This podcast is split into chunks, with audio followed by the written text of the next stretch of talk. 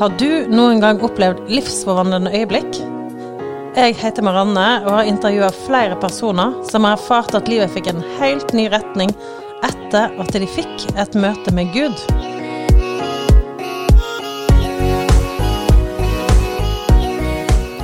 Jeg bor i Oslo og jobber som familieveileder, og jeg har alltid likt å høre folk sine historier. Særlig hva som skaper de store og de gode endringene. Og I denne episoden her så er det Rune som skal fortelle sin historie. At det skjedde noe på innsiden av meg. Så jeg opplevde bare at disse byrdene forsvant. Bare kjente nå er jeg tilgitt. Hallo, hallo. Hallo! Der er du, Rune. Ja, Så bra at du kunne stille opp i podkasten. fint å være her. For de som har fulgt litt med på de ulike episodene som har blitt lagt ut, så intervjuer jeg en som heter Rasmus, som går i din menighet. Demme. Han eh, hadde en så utrolig bra historie at jeg måtte bare spørre han etterpå har du flere du kan tipse om. Som og da ble, tror jeg nok ditt navn ble nevnt. Ja. Så det er jo derfor jeg har eh, spurt deg òg. Men kanskje du kan si litt om deg sjøl, bare hvor bor du, hva driver du på med til vanlig? Um, nei, jeg heter Rune Solheim. Jeg er jo opp, oppvokst på Vestlandet, ei vakker bygd som heter Husnes. Industribygd.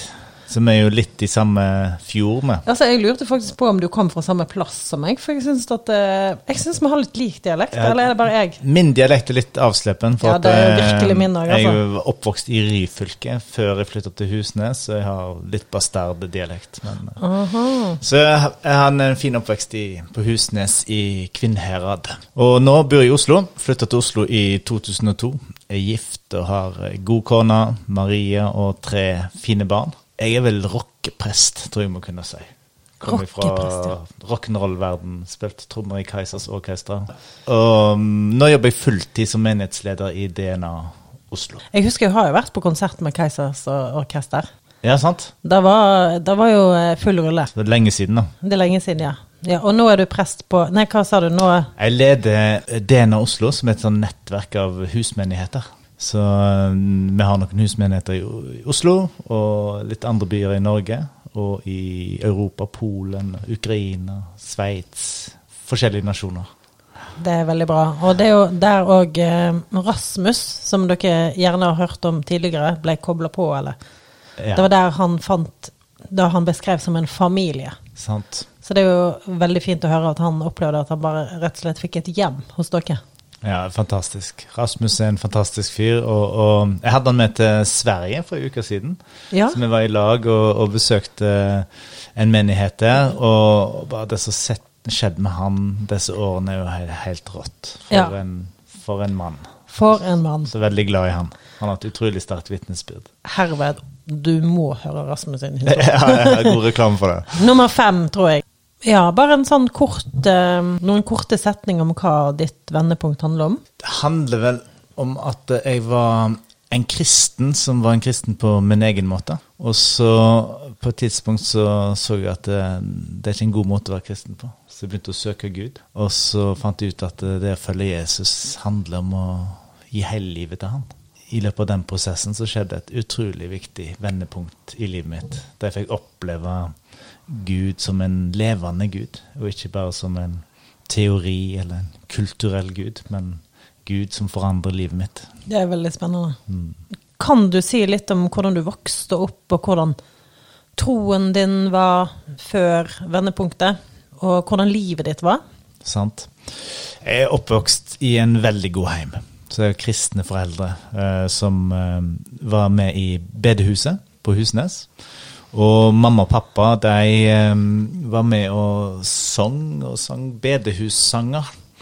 Og, og jeg har veldig gode minner fra, fra bedehuset. Jeg elsker bedehusmusikken fortsatt. Og opp, opplevd mange gode folk der. Søndagsskolen var jeg med på, og seinere ble jeg med i kor og diverse. Så, så eh, jeg har en stor familie, fem søsken, så alle tror på Jesus. Så, så jeg hadde veldig gode oppvekstvilkår. Um, så, men eh, når jeg ble eldre og, og begynte å studere og sånn, så så hadde jeg ingen måte forankring i menighet. Jeg begynte å leve livet mitt mer som en kristen som bestemmer sjøl. Så jeg gikk Den barnetrua har ligget der hele veien, men, men jeg tok aldri et standpunkt på at jeg ville følge Jesus helt før jeg var eldre. Men hvordan så det ut at du trodde på din egen måte?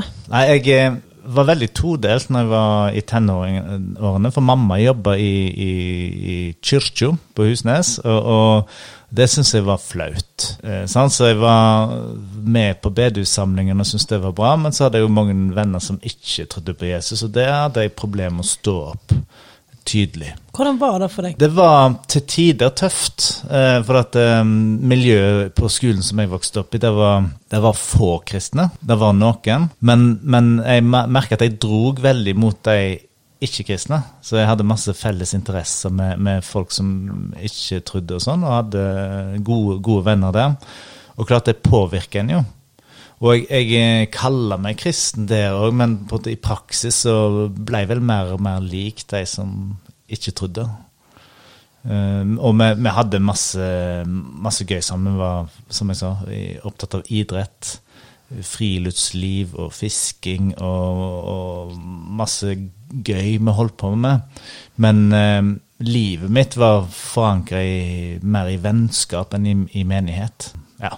Og Hva syn hadde du på Gud? Du gikk jo på bedehuset og var med på de her aktivitetene, men ba du til Gud i den tiden, eller? Jo, vi ba jo, vi ba hjemme, for vi hadde jo fellesskap i heimen òg, som hadde andakter, og, og, mamma og pappa sang av og til hjemme bedehussanger. Vi hadde bønnestunder vi la oss og sånn, så jeg, jeg har, har et veldig godt forhold til Gud. Jeg hadde bilde av Gud som en god Gud, og det var, det var trygt. Så, så um, veldig positivt. Men, men eh, å oppleve han som en gud som jeg virkelig skulle gi livet mitt til å følge. og sånt. Den biten eh, hadde jeg ikke sett eh, ennå. Men, men eh, jeg har veldig gode minner fra eh, familiesettinger der eh, leste Bibelen sammen, og sånn, og så har jeg mange kjedelige minner.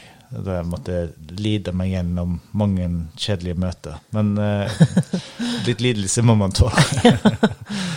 Men hvordan utvikler livet seg videre, da?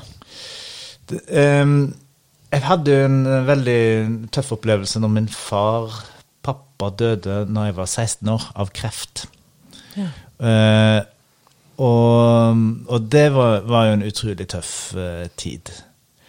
Men i den tida så, så fikk vi jo oppleve gode folk som var med oss, og, og hadde onkler og tanter som bodde i samme bygda som, uh, som, var der, på en måte, og backa som familie.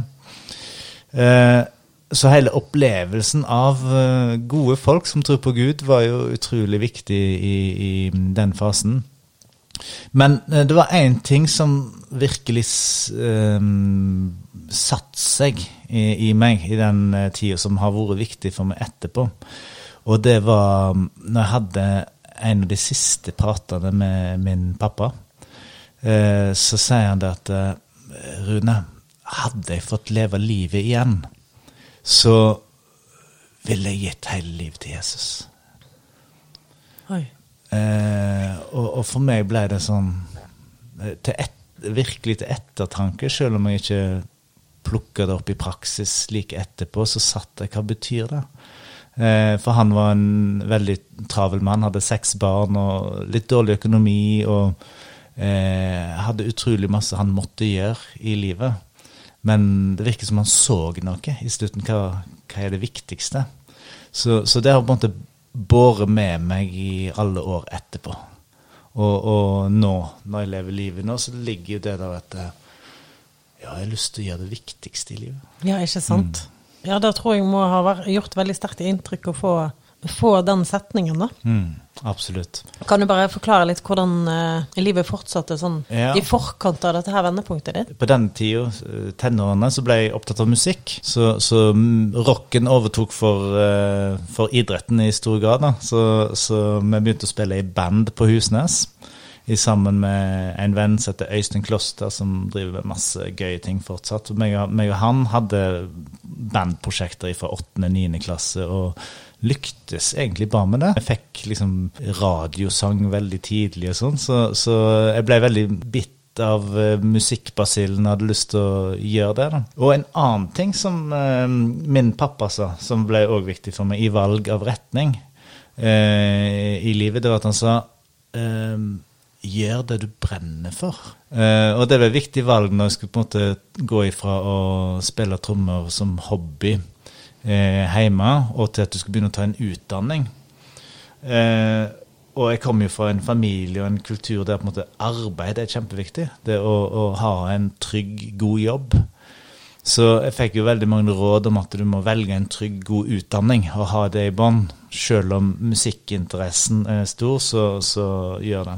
Men på et tidspunkt så ble det, sånn, ble det avgjørende for meg at eh, jeg, jeg må gå for det jeg brenner for. Og da tenker jeg hva jeg brenner for? På den tida så var det musikken. Det var å få spille trommer og få gjøre det. Så, så da bestemte jeg meg for det. Og gikk all in med øving og ble med i masse band og ulike prosjekter. Så jeg gikk på folkehøgskole etter jeg var ferdig med videregående på Husnes. Flytta til Gjøvik, Viken folkehøgskole. Ja. Ble kjempeviktig. Ordentlig møtte så mange gode folk. Det kommer mange gode musikere derfra. Så det ble et viktig år. Etter det så var jeg i militæret. Det ble jo ikke et veldig viktig musikalsk år, men det var litt sånn viktig på livsreisen. Ja. Eh, og så begynte jeg å studere i Bergen på lærerhøgskolen og hadde musikk da som fordypning. Eh, men men alle liksom de årene jeg begynte å satse på musikk, så ble jeg selvfølgelig dratt inn i musikkverden, og det, det opptok meg veldig. Og jeg var omgitt av masse folk som òg heller ikke tror eller har ei levende tro. Så jeg hadde ikke sitt menighet.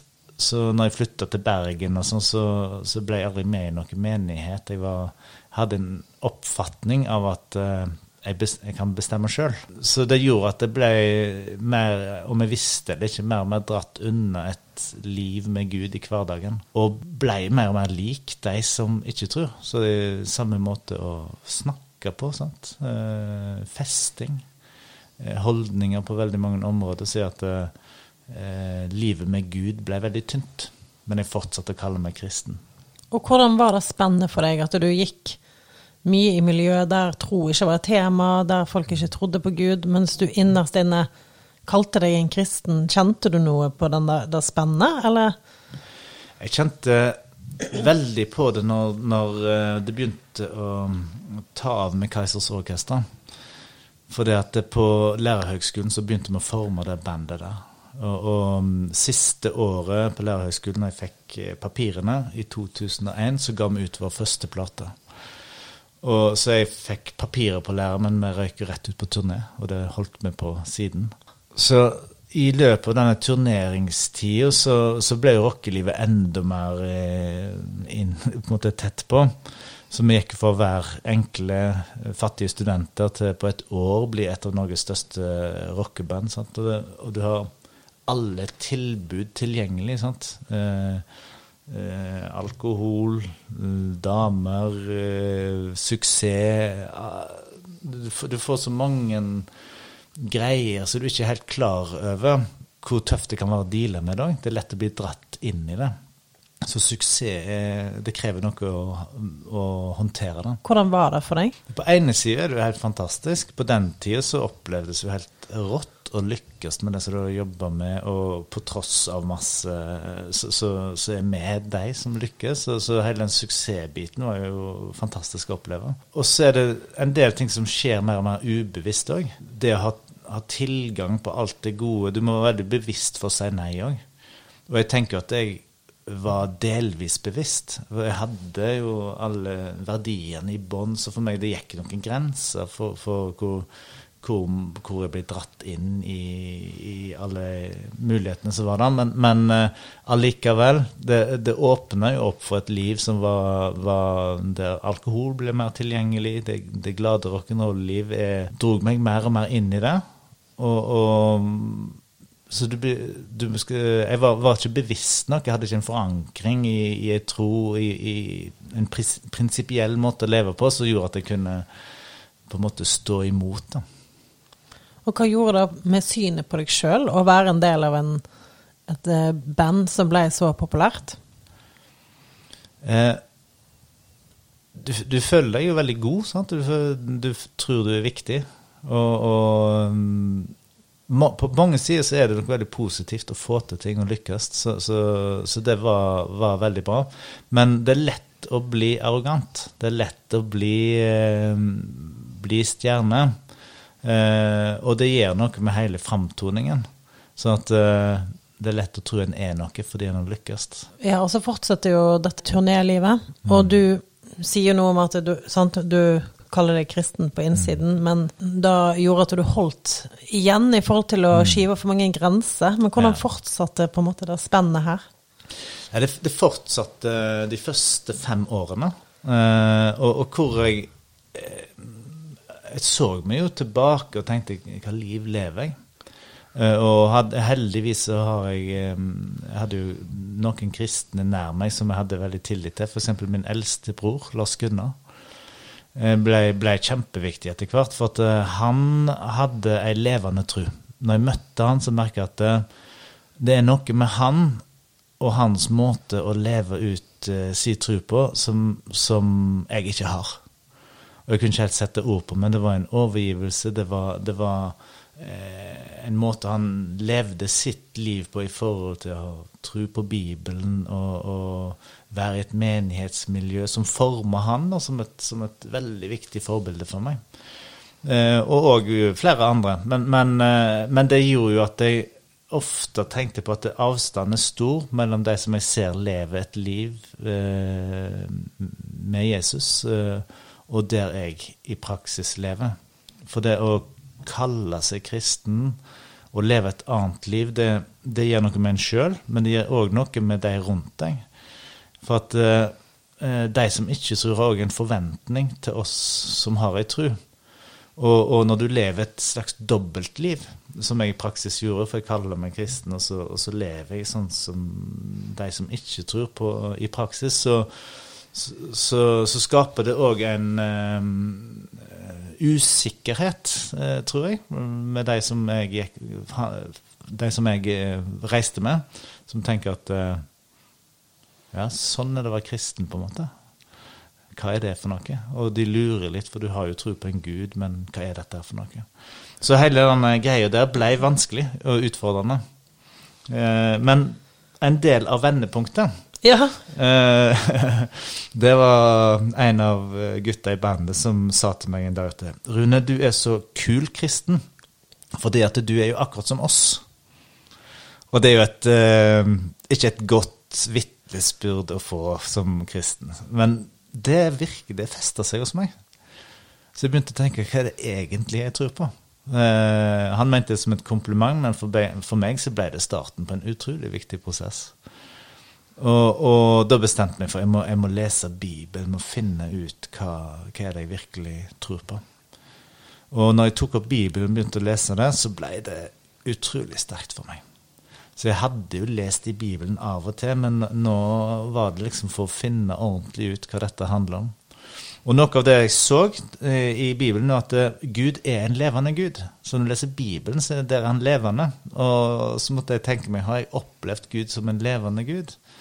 Eh, det har iallfall ikke de siste årene. Så, så, jeg har tenkt på Gud mer som noe som er der ute. Eh, og det, det, er kultur, det er religion. Sant? Eh, men, men møtet med Bibelen var utrolig sterkt. For der griper Gud inn i folks liv, og, og, og hele bibelhistorien handler om at Gud ønsker å, å være med oss. Eh, så jeg tenkte hvis dette er sant, så, så vil jeg ha tak i det. Og når jeg kom til evangelien og leste historien om Jesus, og, og, for det første hva han sier om det å følge han og være en disippel, så ble det så sterk kost for meg. For jeg så at jeg lever jo så langt unna det Jesus sjøl sier om å følge han. For, at, eh, for det første sier han at eh, vi var villige til å gi livet mitt til han. Så jeg begynte å lure på hva det betyr det. Eh, og, og, og at det er starten. Eh, så, så um, eh, så det ble veldig sterkt for meg. Men, men, samtidig så gikk jeg masse med dårlig samvittighet. Og jeg hadde, hadde, masse dårlig samvittighet for alt jeg hadde gjort, som jeg visste at ikke var i henhold til verdien jeg hadde fått hjemme. Sånn. Så, ja. så, det å leve i kompromiss er veldig tøft, det, det, og, og, det tærer. Eh, så, så jeg merker at det gjorde meg ikke godt. Men så jeg tenkte, når jeg, når jeg leste Jesus uh, sin forkynnelse om følgeren, at jeg har levd så langt unna at for meg er det ikke håp. Jeg må jo være blant de som er hyklere, sånn som har hatt ei tru og, og kjent visst på en måte at jeg levde galt. Så, så, oddsene for meg må jo være små. Så jeg tenkte at uh, jeg må leve med alt det jeg angrer på resten av mitt liv. Men bare finne en vei til å leve med det, og så, og så gjøre det beste ut av det. Men så hadde jeg en samtale med Lars Gunnar, min eldste bror. Eh, for da, da var dette virkelig blitt en viktig del for meg. Jeg hadde, jeg hadde ordentlig lengsel etter å, å finne Gud hvis han fantes, og, og, kunne bli tilgitt. og Tenk, tenk om Jesus uh, liksom kunne møtt meg. Og jeg er så glad for at han visste hva evangeliet var. Så han sa jo, um, Rune, det er jo akkurat for sånne som deg, som ønsker en endring i livet, eh, som ønsker å bli tilgitt. Jesus døde på korset for. For det var på det korset han tok denne straffen som du opplever at du har. Og det gjelder alle mennesker.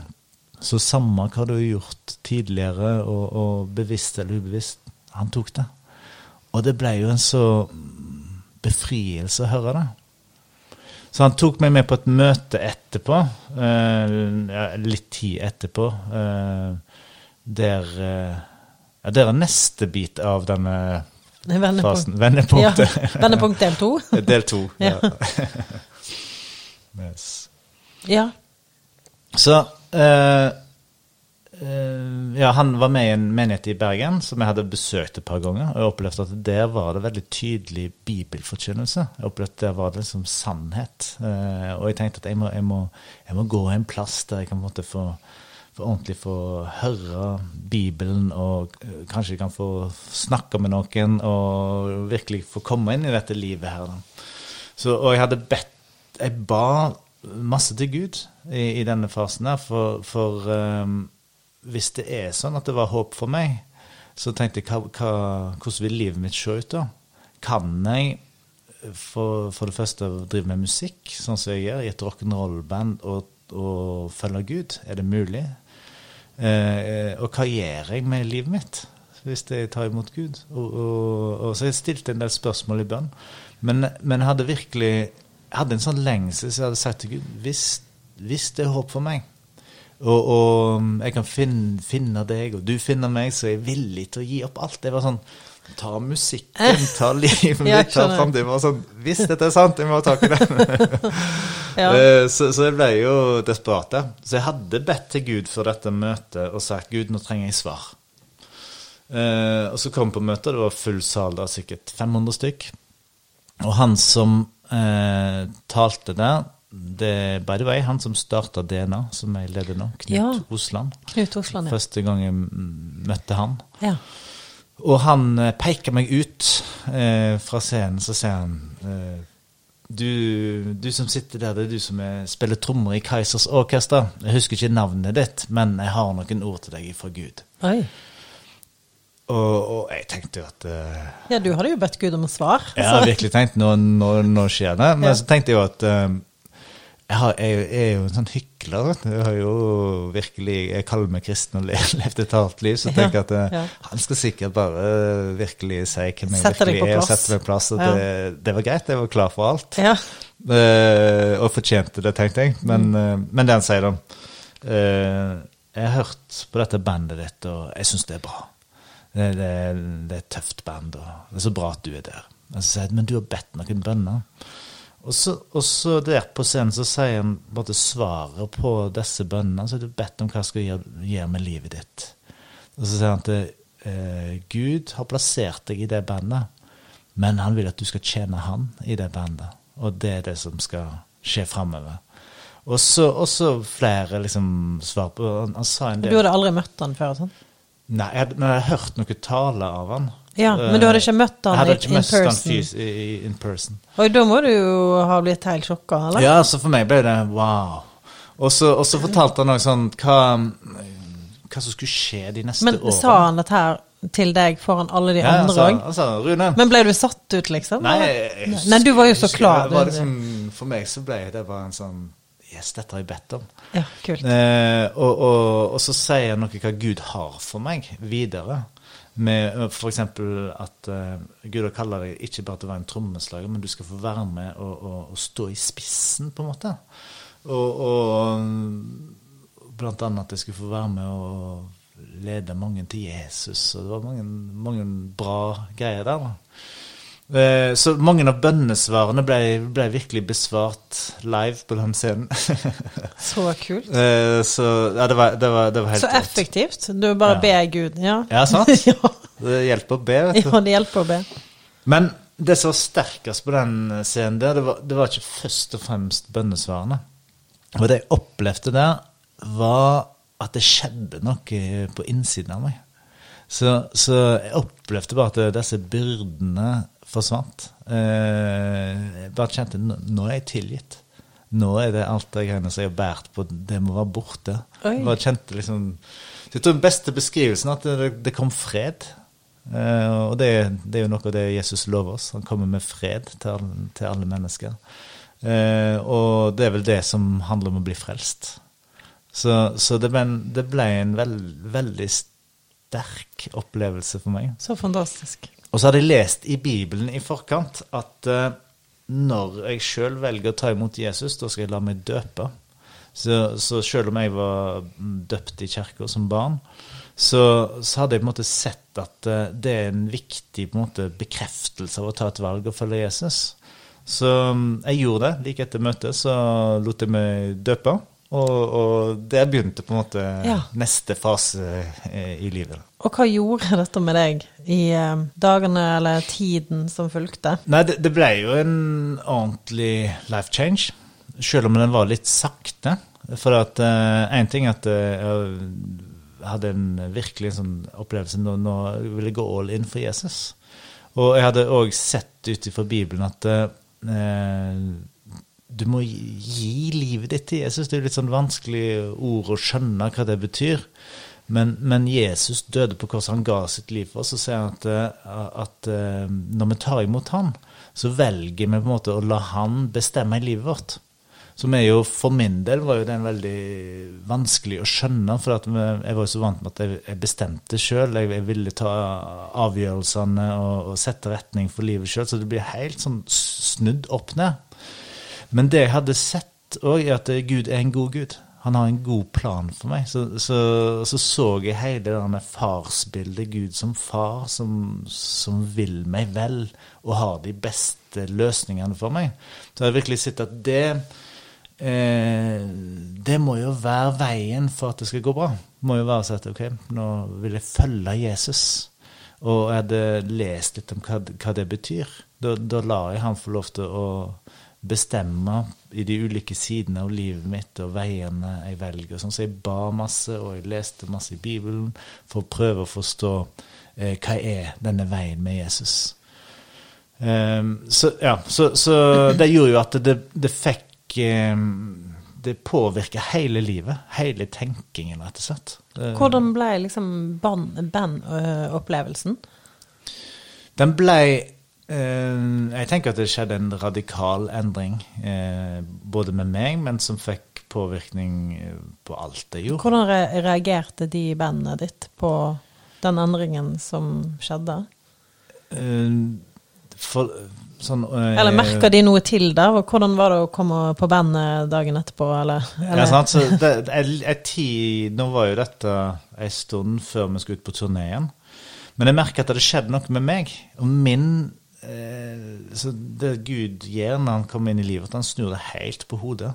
Eh, sånn, så jeg merker at det, fra at livet handler om meg sjøl, at jeg skulle lykkes, og, og at eh, eh, identiteten måtte lå i at eh, jeg var en god trommeslager, og at jeg er viktig i diskusjoner, og at mine meninger er viktige. Så var det noe som skjedde at eh, jeg bare så at eh, nå er identiteten min snudd opp ned. Min identitet handler mer om å Jeg jeg har lyst til å være han Jesus-typen.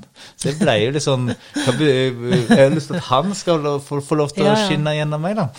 Eh, Så, så eh, jeg merker at det skjedde noe i holdningen min til folk. At eh, jeg fikk lyst til å bry meg om folk på en ny måte. Så fint. Eh, som kom fra innsida. Så jeg husker at noe av det første jeg opplevde jeg skulle gjøre når jeg møtte bandet igjen, var bare å åpne døra på turnébussen. sant? Eh, liten ting.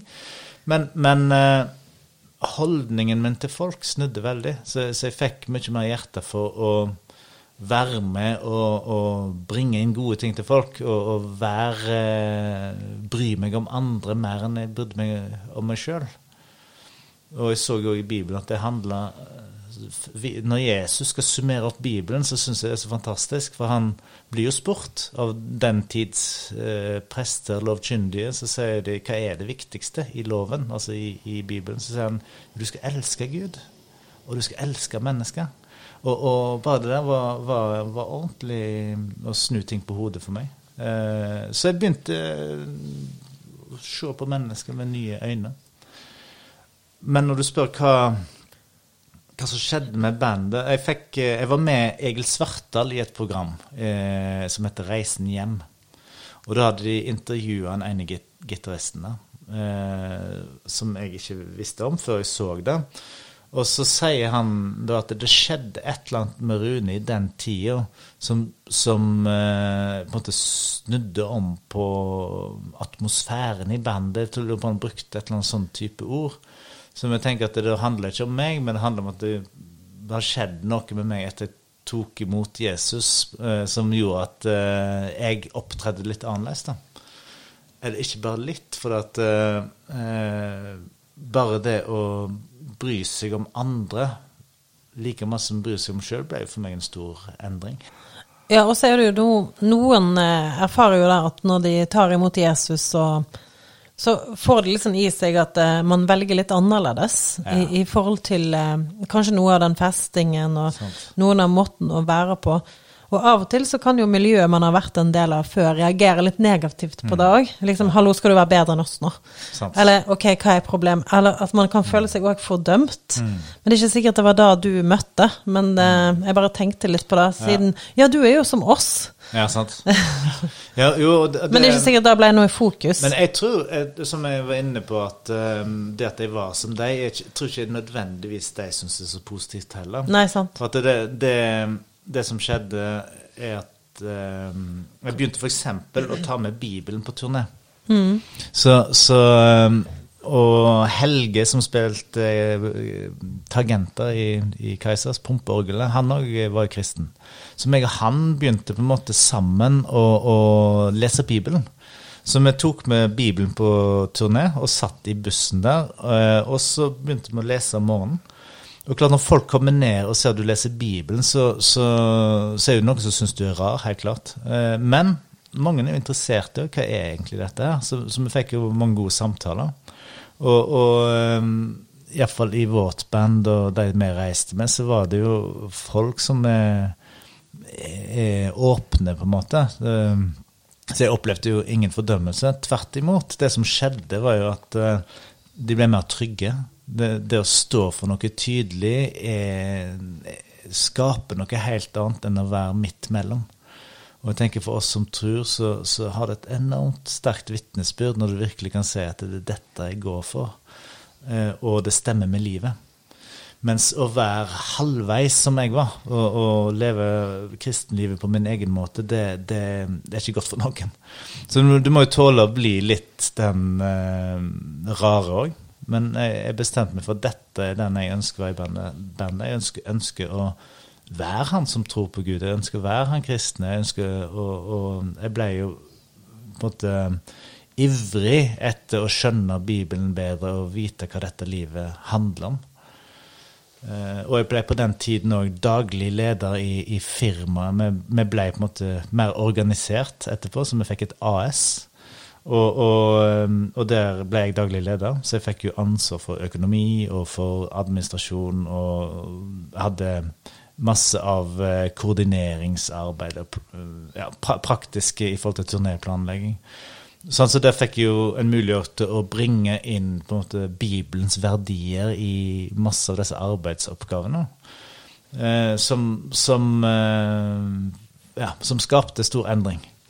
Så jeg var med på festene jeg fortsatt, men jeg, jeg, jeg drev ikke og drakk så masse. Jeg, jeg, jeg visste mer hvem er det jeg ønsker å være. Eh, og sånn som jeg opplever det, så, så ble det en helt annen trygghet for alle vi jobber med, å bare vite at uh, han står der Ja, uten, uten å være liksom midt Forstå. mellom og lure på hvor du Ja. er. Så.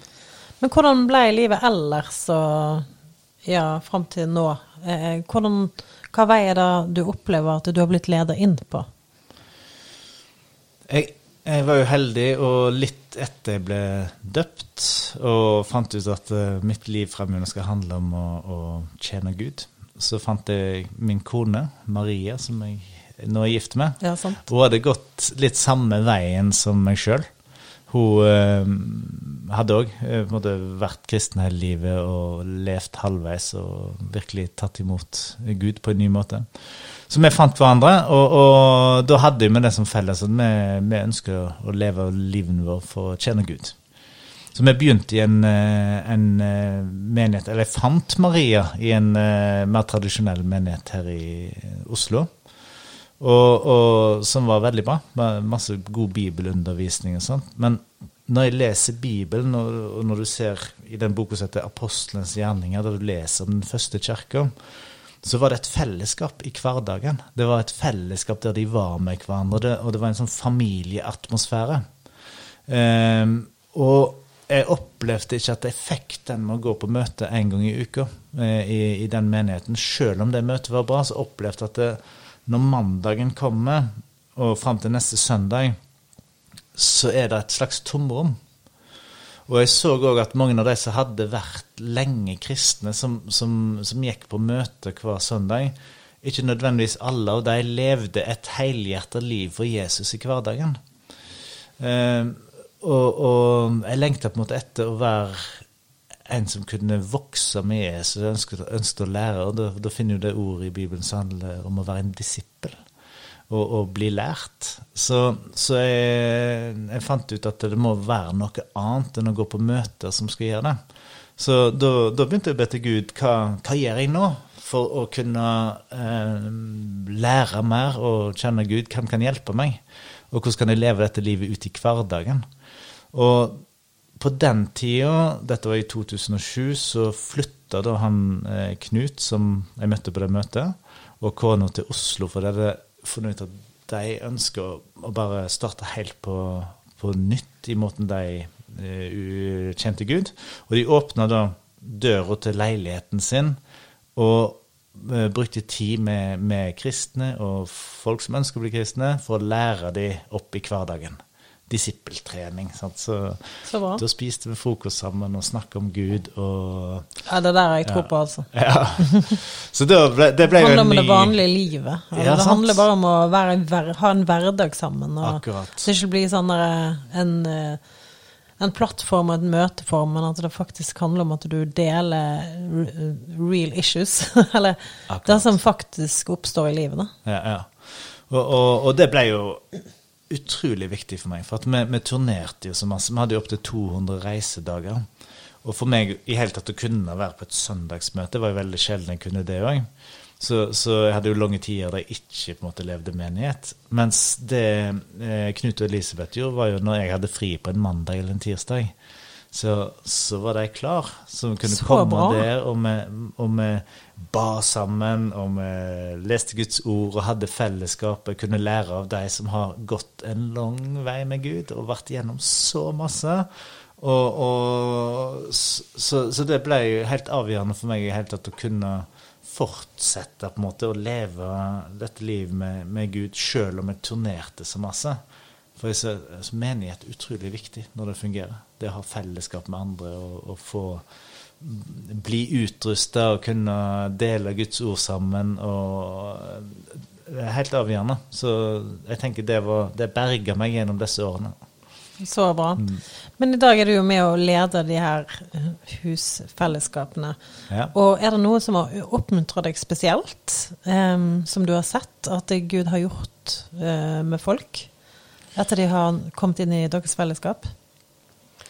Ja, absolutt. Jeg har, vi kunne sittet hele kvelden og snakket om gode ting. Jeg opplever at eh, det som skjedde med, med oss, da, at vi kom inn i en familieatmosfære der vi kunne leve et liv i hverdagen i, i, i sammen, det, det, det ga så masse. For at uh, livet med Gud handler ikke bare om å lese Bibelen og be. Det handler, det handler om hele livet. Eh, arbeidet, finne kona, leve eh, Ja. altså ekteskap, Ja. eh, fostre barn. Det er så mange områder i livet der, der, der det er utfordringer på.